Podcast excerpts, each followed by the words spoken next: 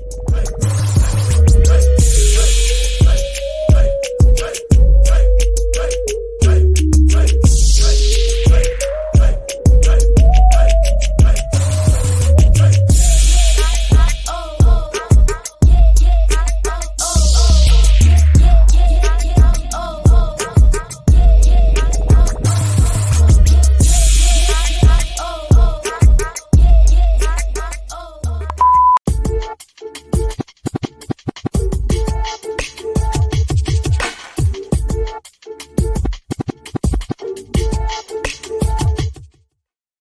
Velkommen til, mine damer og herrer. Velkommen til Frafald Podcast. Mit navn er Mustafa Saik. Jeg er jeres vært. I aften der skal det handle om omskæring. Øh, omskæring af raske drengebørn. Øh, de af jer, som har fulgt lidt med, øh, I har jo nok gættet, at øh, jeg er eksmuslim, og øh, jeg er også omskåret. Øh, det er så ikke så meget min egen omskæring, jeg sådan skal tale så meget om. Det kan godt være, at det måske ender med, at det bliver noget med, at jeg svinger den frem for jer i aften, det skal jeg ikke kunne sige, men, men øh, jeg vil helst øh, undgå det. Men øh, hvis det er det, der er spørgsmål til, så spørger jeg bare. Men øh, jeg kommer ikke til at sidde her helt alene. Øh, jeg har en gæst med, som, øh, som ved en del om, om det her med at være, ikke at være omskåret, ved en del om omskæring og hele indgrebet, og hvad, hvad det egentlig er for en operation, øh, og hvad der sker. Øh, hun hedder Lena Nyhus, hun er forkvinde for en forening, der hedder Intact Danmark, som er en forening mod øh, omskæring af øh, børn. Og øh, hun er med os i aften og skal gøre os en lille smule klogere på omskæring og hele, hele den proces, der er i det. Og jeg vil så dele min erfaring i forhold til både, hvad jeg selv ved omkring min egen omskæring, men også min, min førstefødte dreng, som jo blev omskåret, dengang jeg stadig var muslim. Det er jo så ved at være, ja det er 10 år siden, han blev omskåret. Øhm, og hele den historie, der ligger bag det. Øhm, og I er velkommen til at stille øh, alle de spørgsmål, I vil. Og øh, så vil jeg ikke tale så meget, så jeg egentlig bare byde vores gæst velkommen, velkommen til Lena. Ja, tak. Det er dejligt at være med. Dejligt, du vil være med. Nå, Lena, øh, Intact Danmark. Øh, kan du ikke lige sådan ganske kort øh, fortælle, øh, hvad, det er, hvad arbejder I med, øh, og hvordan arbejder I i forhold til omskæringen? Jo, øh, Helt kort, så vil vi gerne stoppe omskæring og anden kønskirurgi på raske børn under 18 år. Altså hvis børn ikke fejler noget, så skal man ikke skære noget af dem. Det er, sådan, det er ret simpelt, skulle man tro. Mm. Det vil vi gerne gøre via lovgivning, vi vil gerne gøre det via forebyggelse, og så vil vi gerne støtte familier, der overvejer at omskære deres børn, og måske føler et pres fra deres omgivelser, eller har nogle, nogle, nogle tanker om, hvorfor de synes, det kunne være henholdsvis godt og skidt. Øh, og så støtter vi folk, der er blevet omskåret, eller folk, som har behov for at blive det af, af øh, medicinske årsager. Fordi der er jo nogle sammenhæng, hvor det kan være en god idé at blive, blive omskåret, ligesom det kan være en god idé at blive opereret for, for andre ting, hvis man mm. fejler noget. Øhm, så vi har sådan, vi har flere, øhm, øh, hvad skal man sige, øh, fokusområder, men, men det helt centrale er, at man ikke skal skære raske børn. Ja. Øhm, og i, i den proces, øh, der er der jo helt klart øh, en masse modstand. Det, det kan jeg jo næsten, kun, kan jeg næsten kun gætte mig til. Men hvad, hvad, hvilken, altså, hvilken type modstand møder I, møder I øh, på det? Altså, er det, er det lovgivningen, der står i vejen? Altså, man kan jo godt sige sådan helt overfladisk, ja, lovgivning står i vejen, vi mangler noget lovgivning, vi mangler noget forebyggelse. Men hvorfor er det så, der ikke bliver lovgivet, når man for længst har holdt op med at skære i pigebørn? Mm. og det skyldes jo nogle politiske hensyn. Uh, der er dels nogle, uh, nogle minoritetshensyn, og det er det, som statsministeren har været ude at sige. Uh, hun vil ikke svare på noget med hensyn til muslimer, men hun vil gerne sige, at øh, fordi at jøder blev øh, forfulgt op til og under 2. verdenskrig, så skal man have lov til at omskære, især hvis man er jøde. Øhm, så har der også været øh, noget fremme, øh, både fra den tidligere regering og også fra den nuværende, om øh, frygten for terrorangreb, at hvis Danmark går forrest med lovgivning på det her område, at så Mm. Øh, er der en risiko for, at vi bliver et terrormål? Og det må man sige, det er der jo. Altså hvis det er en risiko, at vi bliver et terrormål, når nogen tegner en tegning, så er det klart, at vi også har en risiko for at blive et terrormål, hvis vi siger, at man ikke må skære raske børns tissemænd og mm. tissekroner, hvor, hvor mærkeligt det end kunne lyde. Ja. Øh, og det sidste er jura og økonomi, fordi der er flere lande, der har truet med sanktioner over for os, hvis vi øh, hvis vi laver lovgivning på det her område. Og faktisk så er det så grotesk, at den amerikanske ambassade kaldte os i Intact Danmark til møde på ambassaden og forsøgte at lokke os til at stoppe vores borgerforslag om omskæring. What would it take to make you withdraw your citizens initiative? Altså, hvad, vil, hvad skal der til for at få jer til at trække jeres borgerforslag tilbage? Og der sagde vi jo, jeg skulle lige så sige på en pæn måde, men ved du, det, det var sgu lidt skarpt. Altså der sagde vi, for det første så er det meget simpelt. Vores lovgivningstiltag stopper, når der er en 18 års aldersgrænse. For det andet, hvis man har læst på lektien, så vil man vide, at lige så snart et borgerforslag er offentliggjort, så kan det ikke trækkes tilbage, uanset om vi havde lavet stavefejl eller fortrudt, hvad vi har kastet os ud i og sådan noget. Vi kan ikke trække det tilbage, når først det er offentliggjort. Mm. Øh, og for det tredje, fuck you. Altså, vi sagde det ikke helt så tydeligt, men ja. USA skal sgu da ikke blande sig i dansk indrigspolitik. Hvad fanden er det for noget? Forestil jer lige, hvis, hvis den danske ambassade kaldte en eller anden øh, tilfældig forening i USA til at stå skoleret på ambassaden, hvis foreningen havde lavet et eller andet politisk initiativ, som Danmark ikke lige kunne lide. Det er jo, det er jo helt grotesk. Ja. Ja. Men, men det, det gjorde de, og vi havde en, en meget ophedet diskussion, der var en times tid der i 2018. Og så gik der jo tre år. Vores borgerforslag var i, øh, i behandling i en mindre krig, og der, øh, øh, der er blevet skrevet notater, der er blevet skrevet vejledninger, der har været behandling i både sundhedsudvalg og retsudvalg. Og efter tre år, så blev det så endelig øh, nedstemt. Men en række af de ting, vi havde håbet at opnå med borgerforslaget, de skete. Øhm, blandt andet så havde vi håbet på, på sigt at komme frem til en, øh, en afgørelse for, om det at lovgive omkring omskæring skulle være i strid med religionsfriheden. Øh, mm. Og der har både Folketingets lovkontor og Justitsministeriet og også Institut for Menneskerettigheder sagt, at det er det ikke efter deres bedste vurdering.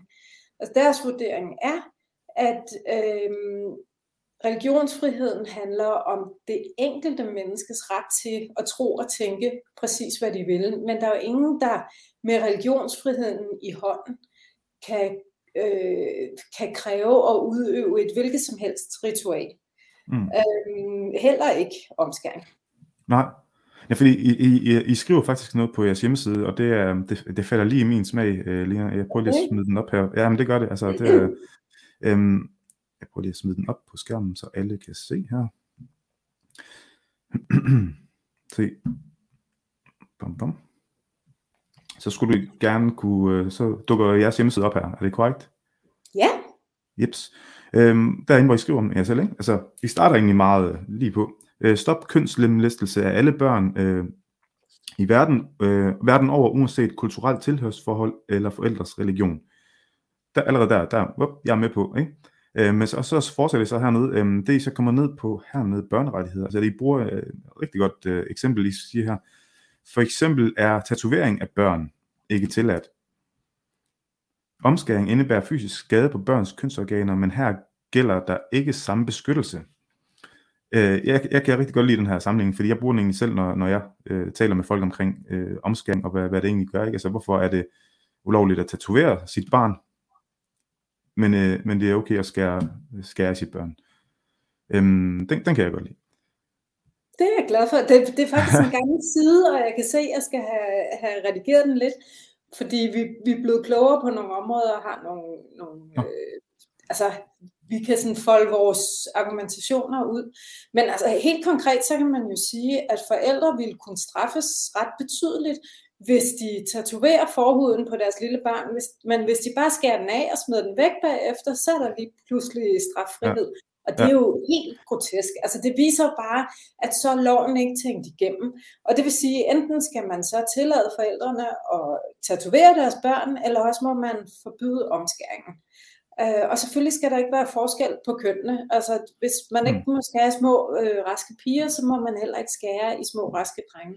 Eller interkønnede børn. Fordi her ja. de næste par år, der kommer vi til at se øh, meget diskussion omkring øh, interkønnede børn. Det vil sige børn, der er født med, med øh, lidt variationer i deres kønsorganer, hvor en mm. del af dem går ret mange operationer igennem, som ikke er medicinsk nødvendige, og som de ikke nødvendigvis selv ville have ønsket sig. Ja, Jamen, det, det skriver jeg selvfølgelig også her, at de øh, arbejder for at stoppe omskæring af børns raske kønsorganer for såvel drenge, piger og interkønnede børn, både i Danmark og, og i resten af verden. Øhm, first we take Manhattan. Siger du? jeg siger, first we take Manhattan. And ja, ja, små skridt, ja.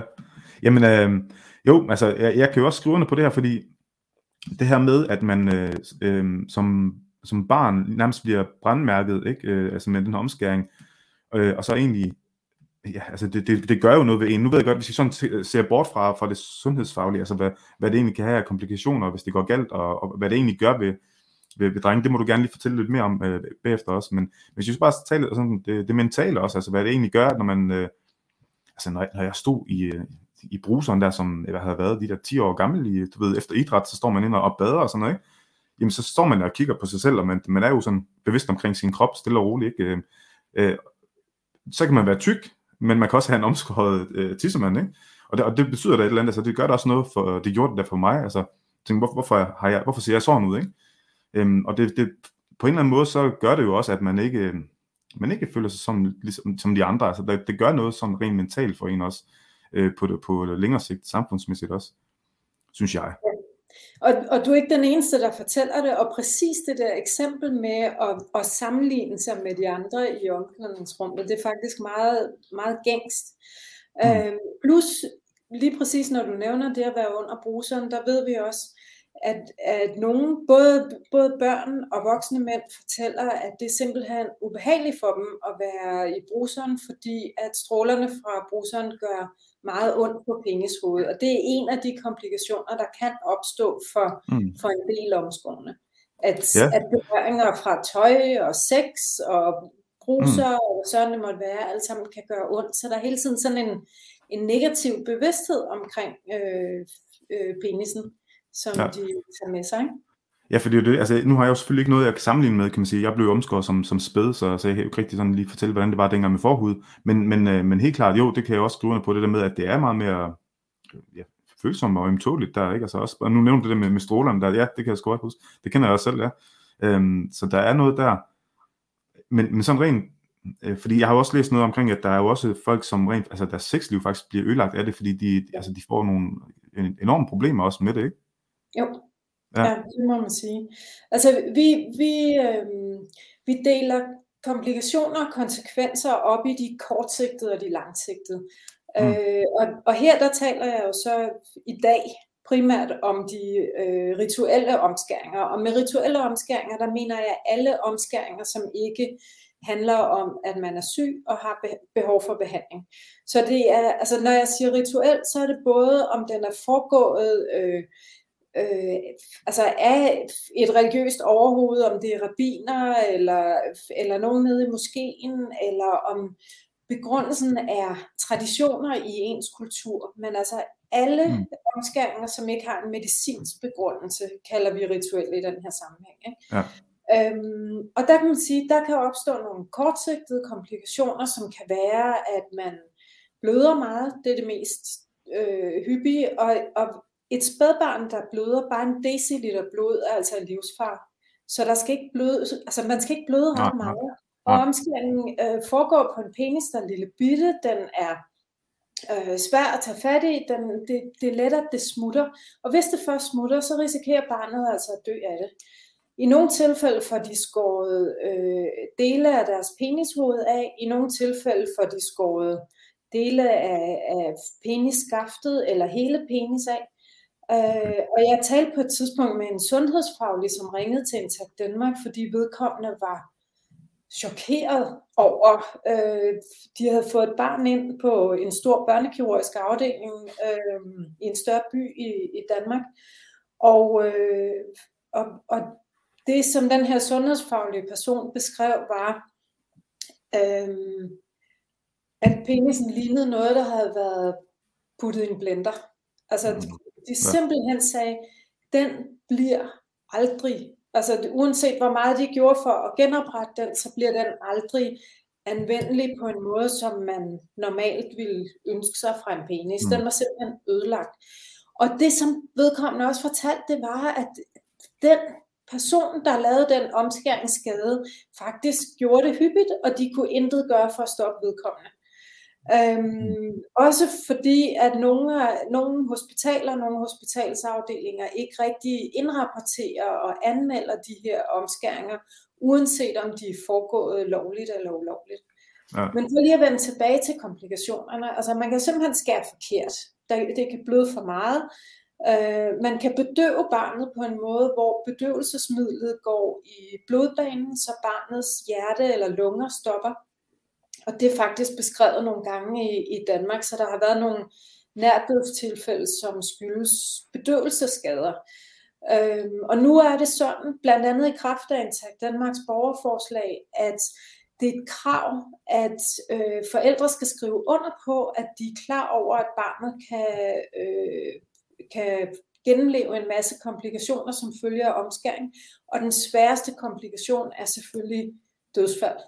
Mm. Øhm, det kan også være infektioner. Altså det er klart, når man skærer noget af sådan en lille tissemand, det er altså halvdelen af hudoverfladen, der fjernes, og putter den ned i en blæ, så svir det. det altså selve omskæringsindgrebet gør ondt, men det svir også i de følgende dage. Det kan man selv forestille sig, hvad der sker, hvis man skærer sig i fingeren og stikker den ned i en fyldt blæ. Det, det er ikke rart, og sådan er det heller ikke med, med kønsorganerne. Så der er en mm. række sådan helt umiddelbare komplikationer, som så også kan føre til øh, kraftig arvævsdannelse. Og når jeg siger kraftig arvævsdannelse, så er det fordi, almindelig arvævsdannelse er en del af formålet med omskæringen. Altså når man omskærer et mindre barn, så trækker man jo, forhuden er vokset fast til penishovedet, så den bliver jo krænget af. Og jeg, jeg, jeg kan godt se på dig, at det føles stærkt, det jeg fortæller dig, men, men det er virkeligheden. Ja, så det ja. er ked af. Jamen, det, ja, det er det, og det er, det er ja. Øhm, men, men ja. for lige at vende tilbage, altså det der sker, det er, at man starter med at krænge forhuden fri af penishovedet, og den er hæftet til penishovedet på samme måde som vores hud er hæftet til håndryggen. På det tidspunkt, der, der, er, altså der, der er forhuden ikke lavet til at blive krænget af penishovedet. Mm. Og det vil sige, hvis et barn bliver omskåret meget tidligt i livet, altså under 7-10 års alderen, så vil det ofte være sådan, at hele penishovedet, altså hele penishovedet og den øverste del af penisskaftet, det vil så blive dækket af arvæv, fordi det er der, forhuden er krænget af. Hvis de bliver omskåret senere i livet, så er det ofte sådan, at forhuden er modnet, så den er mere frit bevægelig, og der, hvor den er frit bevægelig, der kan man bedre skære den løs. Så der vil ikke opstå arvæv op på selve penishovedet, der vil typisk opstå arvæv i en ring ned om skaftet. Mm. Øhm, men der sker også det, at den slimhinde, som egentlig naturligt skal dække øh, penishovedet, det er jo den samme slimhinde, som vi har herinde på indersiden af læberne. Den skal dække penishovedet og indersiden af, af forhuden. Og den tør ud, så selv hvis man er blevet omskåret sent i barndommen eller som voksen, så vil det være sådan, at, at så bliver overfladen på penis udtørret, ikke som arvæv, ligesom hos de helt små, men, men som, som hvis man gik rundt med læben krænket ud den forkerte vej mm. hele dagen, så ville den også lynhurtigt tørre ud og til sidst blive underlig ikke slimhindagtig, fordi kroppen forsvarer sig. Og det er jo så det, den omskårende mand går rundt med. Altså selv mm. hvis han ikke har fået ekstra kraftig, sådan fortykket arvævsdannelse, og der ikke er skåret forkert, og han ikke har haft blødninger eller alt muligt andet, så har han så en penis, hvor forhuden mangler. Og forhuden, altså der sidder jo en række følelæmer i forhuden. Langt de fleste følelæmer i hele penis sidder i forhuden. Så når man skærer den væk, så mangler der nogle følelæmer. Og nogle af følelæmerne sidder kun i forhuden. Så, så den, mm. altså de nuancer i følsomheden er også forsvundet. Men, men derudover så er der så den her øh, udtørring eller fortykkelse af, af penishovedet, som så også forstærkes over tid, fordi penishoved ligger der ned mod tøjet og sengetøjet og sportstøj og hvad man ellers har. Så der sker også sådan en, en naturlig øh, følsomhedsnedsættelse over tid. Og mange vil så sige, ah, at det er skide godt, mand. Jeg er 16 år gammel, og jeg kan holde hele natten. Det er skide godt. Problemet er bare, at den der følsomhedsnedsættelse, den fortsætter. Så når man er 40, så kan det altså godt være, at man kan holde væsentligt længere, end man synes, man har lyst til. Og når man er 60, så kan det godt være, at man ikke længere kan nå til et punkt, hvor man kan få udløsning. Og nogen når altså til det punkt allerede, når de er 40, at de simpelthen hverken med en partner eller selv kan stimulere sig til udløsning. Og så er det, de, de ringer til os og er rigtig kede af det. Og der mm. kan vi faktisk hjælpe nogle af dem. Altså vi, vi okay. kan samtidig rådgive folk til at få større trivsel, hvis de, er, hvis de er omskåret, fordi der er nogle tips og tricks, man sådan kan bruge. Og der tager vi nogle rådgivningssamtaler, som, som, hvor vi går meget i dybden og prøver at finde ud af, øhm, hvordan vi kan hjælpe den enkelte med udgangspunkt i deres situation. Men, ja. men det er jo helt vildt. Altså, ja. Hvis du havde, havde vidst det dengang, så havde du jo heller ikke risikeret Nej, det. det, det præcis. Nemlig lige præcis, og det, det er jo også det. Øhm, I det øjeblik, at øh, min, min førstefødte, han, øh, han skulle omskæres, han var jo heller igen de der, ja, han har været en 3-4 måneder, eller sådan noget, måske et halvt år. Øhm, og ja, det er jo selvfølgelig, mine damer og herrer, der kommer, der kommer en dokumentar her på torsdag, øhm, der får I hele historien, øhm, men med sådan lige kort ridset op, så er det jo for mig øh, et øjeblik, hvor det gik op for mig, at hvad er det egentlig, jeg har gang i? Hvorfor er det egentlig? Altså det var først, da jeg begyndte at tænke, hvorfor skal min søn egentlig omskæres overhovedet? Hvad er omskæring egentlig? Fordi op til det punkt, der har jeg jo bare kørt sådan nærmest autopilot, ikke? Og, og alt, hvad jeg sådan vidste om omskæring, det var sådan noget fra, fra ja, enten fra imamer eller fra andre muslimer og om, omgangskredsen. Det var det der med, at man, det er meget mere renligt. Altså det var det fortællingen, ikke? Det er meget mere renligt, at man, man er omskåren, og der var også nogen, der sådan kørte den helt lavt, hvor de begyndte på, jamen videnskabeligt set, så er det bedre, og altså virkelig, Øhm, og, og det var bare den fortælling, det ligesom var. Men jeg har, jeg er jo blevet klogere siden, kan man sige, ikke? men, men det, det var faktisk først op til det øjeblik, hvor han blev omskåret. Også fordi det foregik på, på en så voldsom måde, som det gjorde, ikke? Men, men det var først op til det øjeblik, at det gik op for mig, hvad det egentlig har gang i, og det, det ja. Og min anden søn, han er så ikke omskåret, det skal han heller ikke blive, og jeg vil heller ikke anbefale nogen af omskærtes børn. De skal være 18, og de kan tage det valg selv. Øhm, det, inden vi lige fortsætter, der er lige... Lige stop ja, ja. to sekunder, fordi du skal bare vide, at jeg har helt afsindig stor respekt for det mod, som du har haft som forældre til så, til så at sige, jeg begik en fejl, jeg har faktisk skadet mit barn, og jeg ændrer mig. Fordi jeg taler med andre forældre, som har den samme spirende erkendelse, som du har, men som simpelthen ikke har modet til at føre den til ende, og så lade være med at gøre skade på barn nummer to eller tre. Så altså, du mm. drømmer ikke om, hvor stor respekt jeg har for det. Ja, men tusind tak, men, men jeg, jeg kender nemlig også mange af de der forældre, som inderst inden heller ikke vil, og jeg kender faktisk også nogen, som faktisk ikke har omskåret deres børn, øh, eller deres, deres, deres barn, men som holder det hemmeligt, altså de, de fortæller ja. det ikke. Det er så noget med, med presset rundt om, og sociale pres, som gør, at de ikke fortæller det til nogen, men, men der kommer, altså tænker jeg, der kommer jo et punkt, der bliver deres barn gammel nok til altså, at gå i svømmehallen med andre drenge, og så lige pludselig så kommer det jo ud, så det er sådan lidt, jeg, jeg, ja, jeg kan godt følge dig i det, der, der er mange, som, som vi skal tage det spring der, ja. Øhm, der, inden vi lige fortsætter, der var lige, der var lige en, en hilsen til dig, Lena. Ja. Der er Lars her, der lige skriver, øh, Lena, du er sådan en fantastisk person, og dit arbejde er så vigtigt. Jeg er den, som sendte billeder til jer, da I optrådte på Gay Pride år før coronaen. Ja, det var så fede billeder. Det var simpelthen så lækkert. Jeg har det lige på net henne, fordi Nå. vi har jo vores, øh, vores store øh, dillerkostymer. De ja, bliver, ja. Når man propper sådan en voksen mand ind i et stort dillerkostyme, så er han pludselig to og en halv meter høj. Og, ja, ja. Og, så det, det giver jo lidt opmærksomhed, og det, ja. Øh, plejer at få god respons på Prides og folkemøder og sådan noget, så det er jo fedt. Ja, ja, ja for I har også, I har også været øh, på folkemødet, ikke? Hvor, har, har I været der et par gange, eller er det en, en gang ja, sidst? Ja, altså folkemødet i uh, Allinge, der har vi været det seks gange, tror jeg, og så okay. folkemødet i, øh, i Stege, altså på, på Møn, der har vi været to gange, vi har lige været afsted. Og faktisk mm. havde vi så travlt i år, at da vi sådan talte op bagefter, så kunne vi se, at vi havde haft Altså, når vi er ude, så har vi vores diller med, og så laver vi en konkurrence, og så siger vi til folk, hey, vil du ikke vinde en tatovering? Og så har vi sådan nogle smarte, øh, sådan nogle blå diller-tatoveringer, man ja, kan få ja. sat et eller andet fedt sted. Øh, og så stiller vi folk et spørgsmål, som de ikke har en jordisk chance for at svare, og så siger vi, det gør ikke noget.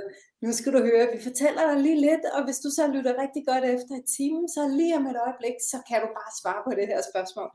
Og mm. det er jo så simpelthen en måde at få folk igennem sådan et, et lynsexundervisningskursus, hvor vi lige fortæller lidt om kønsorganernes anatomi, og hvad, hvad går en omskæring ud på, og så kan de svare spørgsmål.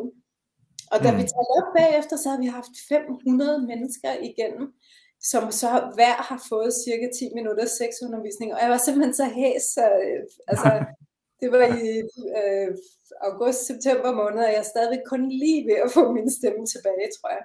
Mm. Jamen det, det giver jo også helt klart noget, det der med at komme ud og møde mennesker og, og, og, og, og hvad skal man sige, og oplyse på den måde. Det giver helt klart noget. Øh, det er selvfølgelig et langt sejt træk, men, men det er helt klart, øhm, ja, det kan man jo også se, øh, det kan vi også godt mærke, at det, det, det har ligesom givet noget med. Jeg tror, var det ikke, øhm, var det sidste år, der kom den der afstemning, hvor folk øh, kunne stemme på, hvorvidt, jeg kan jeg ikke huske, om det var, der havde lavet den, hvorvidt man skulle være 18 for at kunne, øh, omskåret. Ikke? Det skulle være ens eget valg, mere eller mindre, hvor var det 85 procent af, Ja, der, der er sådan lidt forskellige afstemninger. Der er nogen, der siger 86 procent, og nogen, der siger 89 procent af mm. befolkningen går ind for en 18-års aldersgrænse. Så ja. er der så faktisk også kommet en afstemning for nylig, som viste, at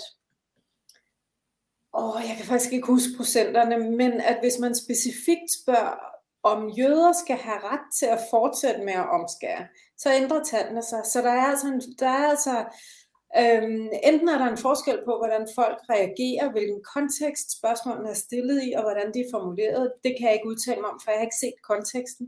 Eller mm. også så er der en følelse af, at øh, muslimer og andre må ikke omskære, men jøder må gerne. Det ved jeg ikke. Mm. Men, øh, men det jødiske samfund har blandt andet medvirket til den øh, rundspørg sammen med, tror jeg, Kristi Dagblad. Ja, Jamen det, det, var, det var også det, jeg oplevede lidt, øh, der hvor Mette Frederiksen var ude og, og sige det her med, at, øh, ja. at man, man lå være på grund af, ja, at jøderne var forfulgt, eller havde været forfulgt og så videre, ikke? Det, det var sådan lidt, jeg tænkte, ej, det, det, det var, det, havde jeg været statsminister, så var det ikke sket sådan.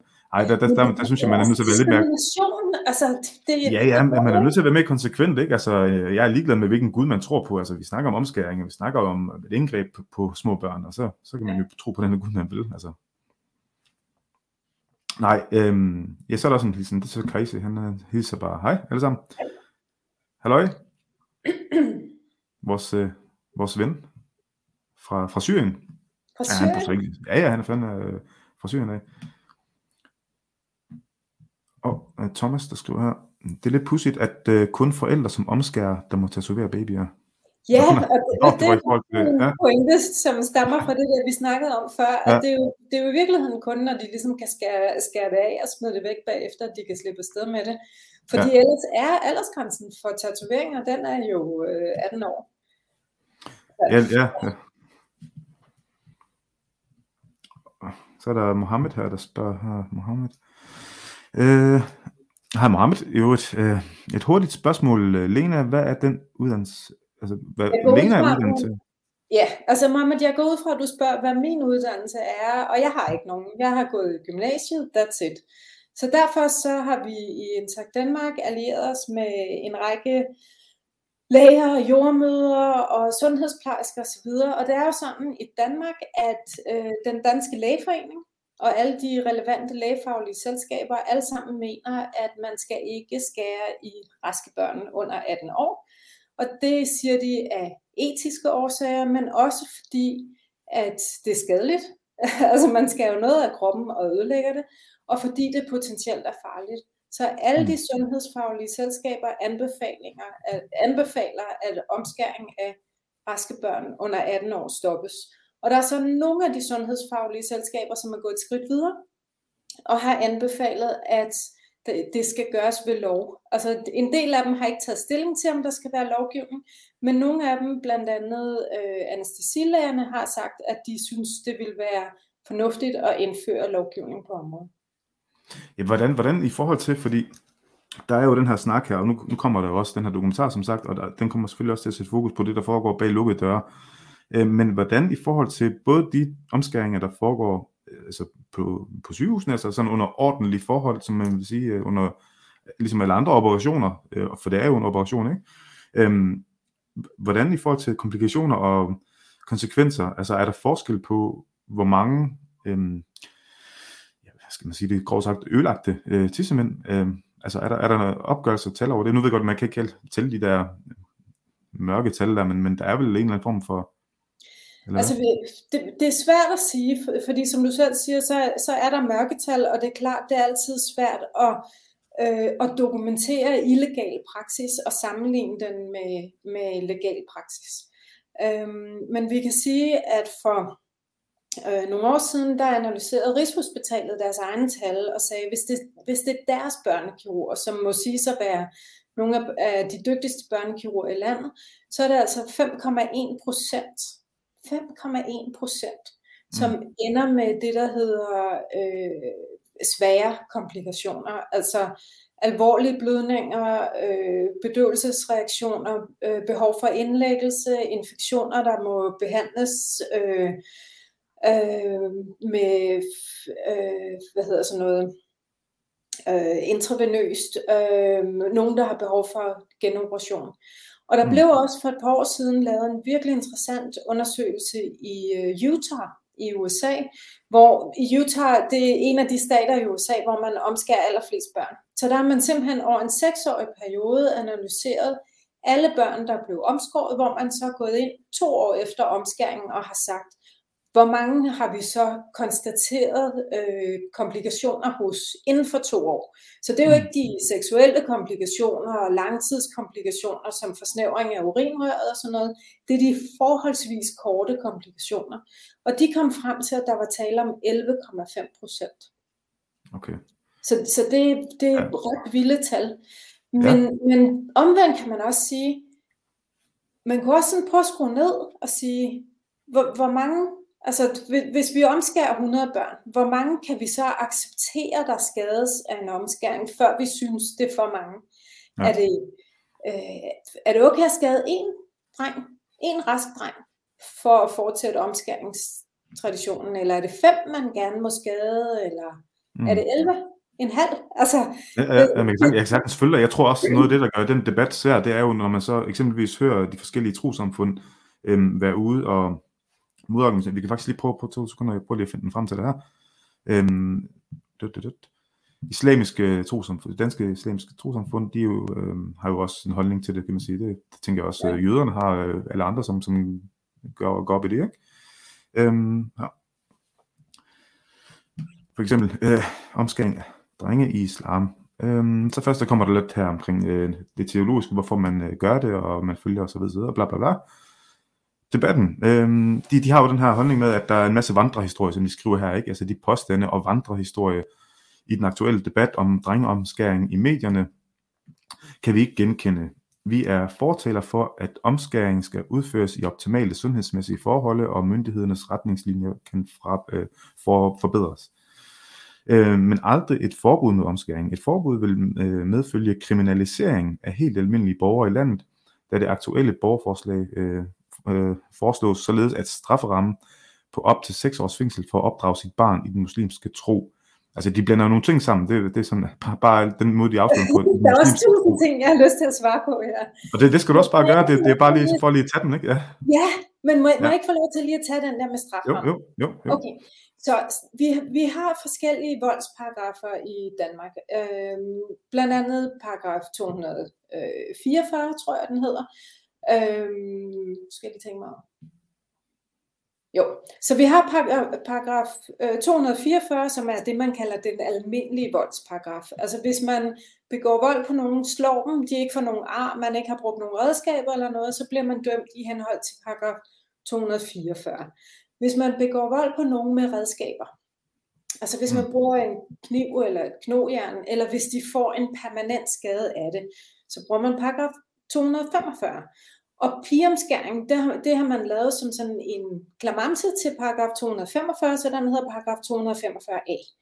Mm. Mm. Øhm, så pigeomskæring, uanset om det er den mindste lille rift i, øh, i klitorishovedet, eller om man skærer hele klitorishovedet og de indre og ydre kønslæber af, så er straframmen op til 6 års fængsel.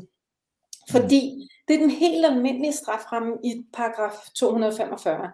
Altså hvis man laver en skade på et andet menneskes kind, øh, som er, altså der er hul, det er permanent, man har brugt en kniv, så er der op til 6 års fængsel. Hvis man skader deres brystkasse eller deres baller, så er der op til 6 års fængsel. Men hvis man skader en drengs forhud, så vil de have, at man skal være straffri. Og det vi bare siger, det er, der skal være en fuldstændig harmonisering af straframmen for alle skader på andre menneskers raske kroppe. Og den skal Mm. være 6 år for alle skader. Ja. Op til 6 år. Så det var, det var en af de der... Ja, men jeg er, helt, jeg er helt med på, og jeg er også sikker på, at du vil sige noget til det. Det var jeg helt sikker på. ja, det kan jeg godt Øhm. forstå. Det er skide godt fundet. Men det er jo også det, er også det der, fordi, øh, det, og det, det jeg mener med det, det er jo, det er jo sådan noget her, der, der forplummer debatten også, og forvrænger øh, øh, debatten, øh, fordi, altså, hvis vi tager hernede for eksempel, ikke? vi oplever, så skriver de hernede, altså, og det er det dansk, dansk islamisk trosamfund, der skriver her, ikke? vi oplever, at alle muslimske mænd er glade for at være omskåret. Ah, ah. Det, det, det, det, det tænker jeg godt, jeg kan, kan, kriske under på, at det ikke er alle. Øhm, være glade for at være omskåret. Altså, nu er det ikke sådan, at jeg øh, personligt øh, har haft nogen, jo det har jeg jo et eller andet sted haft nogle gener i den forstand, at som vi snakker om før, det der med at gå i bad og sådan noget, ikke? at man bliver mere følsom og sådan noget, ikke? men det er jo ikke sådan, at, øh, jeg har haft øh, komplikationer med det, altså, men, men, men det er jo ikke det, der er pointen et eller andet sted for mig, øh, i at jeg går ind i den her debat, det er jo klart, fordi det er et indgreb, jeg har måske bare været heldig, kan man sige, ligesom, jeg har ikke været en af de der øh, 5, øh, hvad var det, 5,2 procent eller 11,6 procent, ikke? Øhm, og det er, der, det er selve indgrebet, vi, øh, vi diskuterer, ikke? Men, men når man så går ud på den her måde og skriver, vi oplever, at alle muslimske mænd er glade for at være omskåret, øh, at de fleste vælger at give dette, denne tradition videre til deres sønner. Det er, det, det er ikke korrekt, og der kan jeg sige, prøv at, en af grundene til, at, øh, at jeg gik med til det, det var jo netop, fordi det var noget, der kørte på autopilot. Og jeg ved, det er noget, der kører for rigtig mange. Altså, langt de fleste muslimer har jo ikke engang læst Koranen. Så det er jo ikke engang ud fra, øh, hvad skal man sige, det religiøse aspekt, at man gør det. Langt de fleste muslimer gør det jo netop, fordi det er en, en tradition, som man, der, der forventes af en. Altså det der med at være omskåret, det er et brandmærke, det er det der med, det er en identitet. Hvilket og det egentlig også selv... Og nævnt i Koranen. Altså, det, nej, nej, det, det, det, det, det, det, jeg samtidig bruger, når jeg er ja. ude og holde foredrag, og folk de siger, ifølge min koran, så skal man være omskåret. Så siger jeg, det er strålende. Så googler du lige, hvor i koranen det står, mens jeg snakker videre. Og så, ja. får, jeg, så får jeg fred til at snakke videre i lang tid, fordi det, mm. det, det har de ikke fundet endnu. Nej, nej, og det, og det, det, det er det, jeg mener, altså langt de fleste har jo ikke engang læst i, i Koranen, ved, at gør det ikke engang af religiøse årsager. Langt, det er nemlig øh, for langt de fleste, at de som kalder sig muslimer, jamen der er det jo, et, et socialt pres, og det her med at være en del af, af gruppen og den her øh, muslimske identitet, det er det, der fylder. Øh, jeg husker det også dengang, at jeg øh, gik ud offentligt og skrev et indlæg, og det, det vil være, jeg var tilbage i 16-17 eller sådan noget, mm. jeg skrev et indlæg omkring, at hvorfor min kommende søn ikke skulle omskæres. Altså, jeg, jeg, sådan, jeg skrev det egentlig meget flink i forhold til, hvordan jeg vil skrive det i dag. Ikke? Der vil, det, det vil nok være lidt mere aggressivt i dag, tænker jeg. Men, men, men, men jeg, jeg skrev et indlæg omkring det, og det, at det kom offentligt ud, det kan jeg da tydeligt huske, hvor meget ballade det gav, altså med mine forældre og med deres omgangskreds og fremmede muslimer, der ringte til mine forældre. Og hele, hele den mølle, der bare blev sat i gang, ikke? fordi jeg offentligt fortalte om det. Fordi det netop har en betydning, ikke? Fordi inden det, jamen så, så har mine forældre bare fortalt deres venner, jamen selvfølgelig er hans, øh, bliver hans kommende søn der omskåren, selvfølgelig er det det. Altså du ved sådan, for at få fred for, for dem af, ikke? Men når jeg så går ud og skriver offentligt om, nej, han skal ikke omskæres, så kommer balladen til dem, og så kommer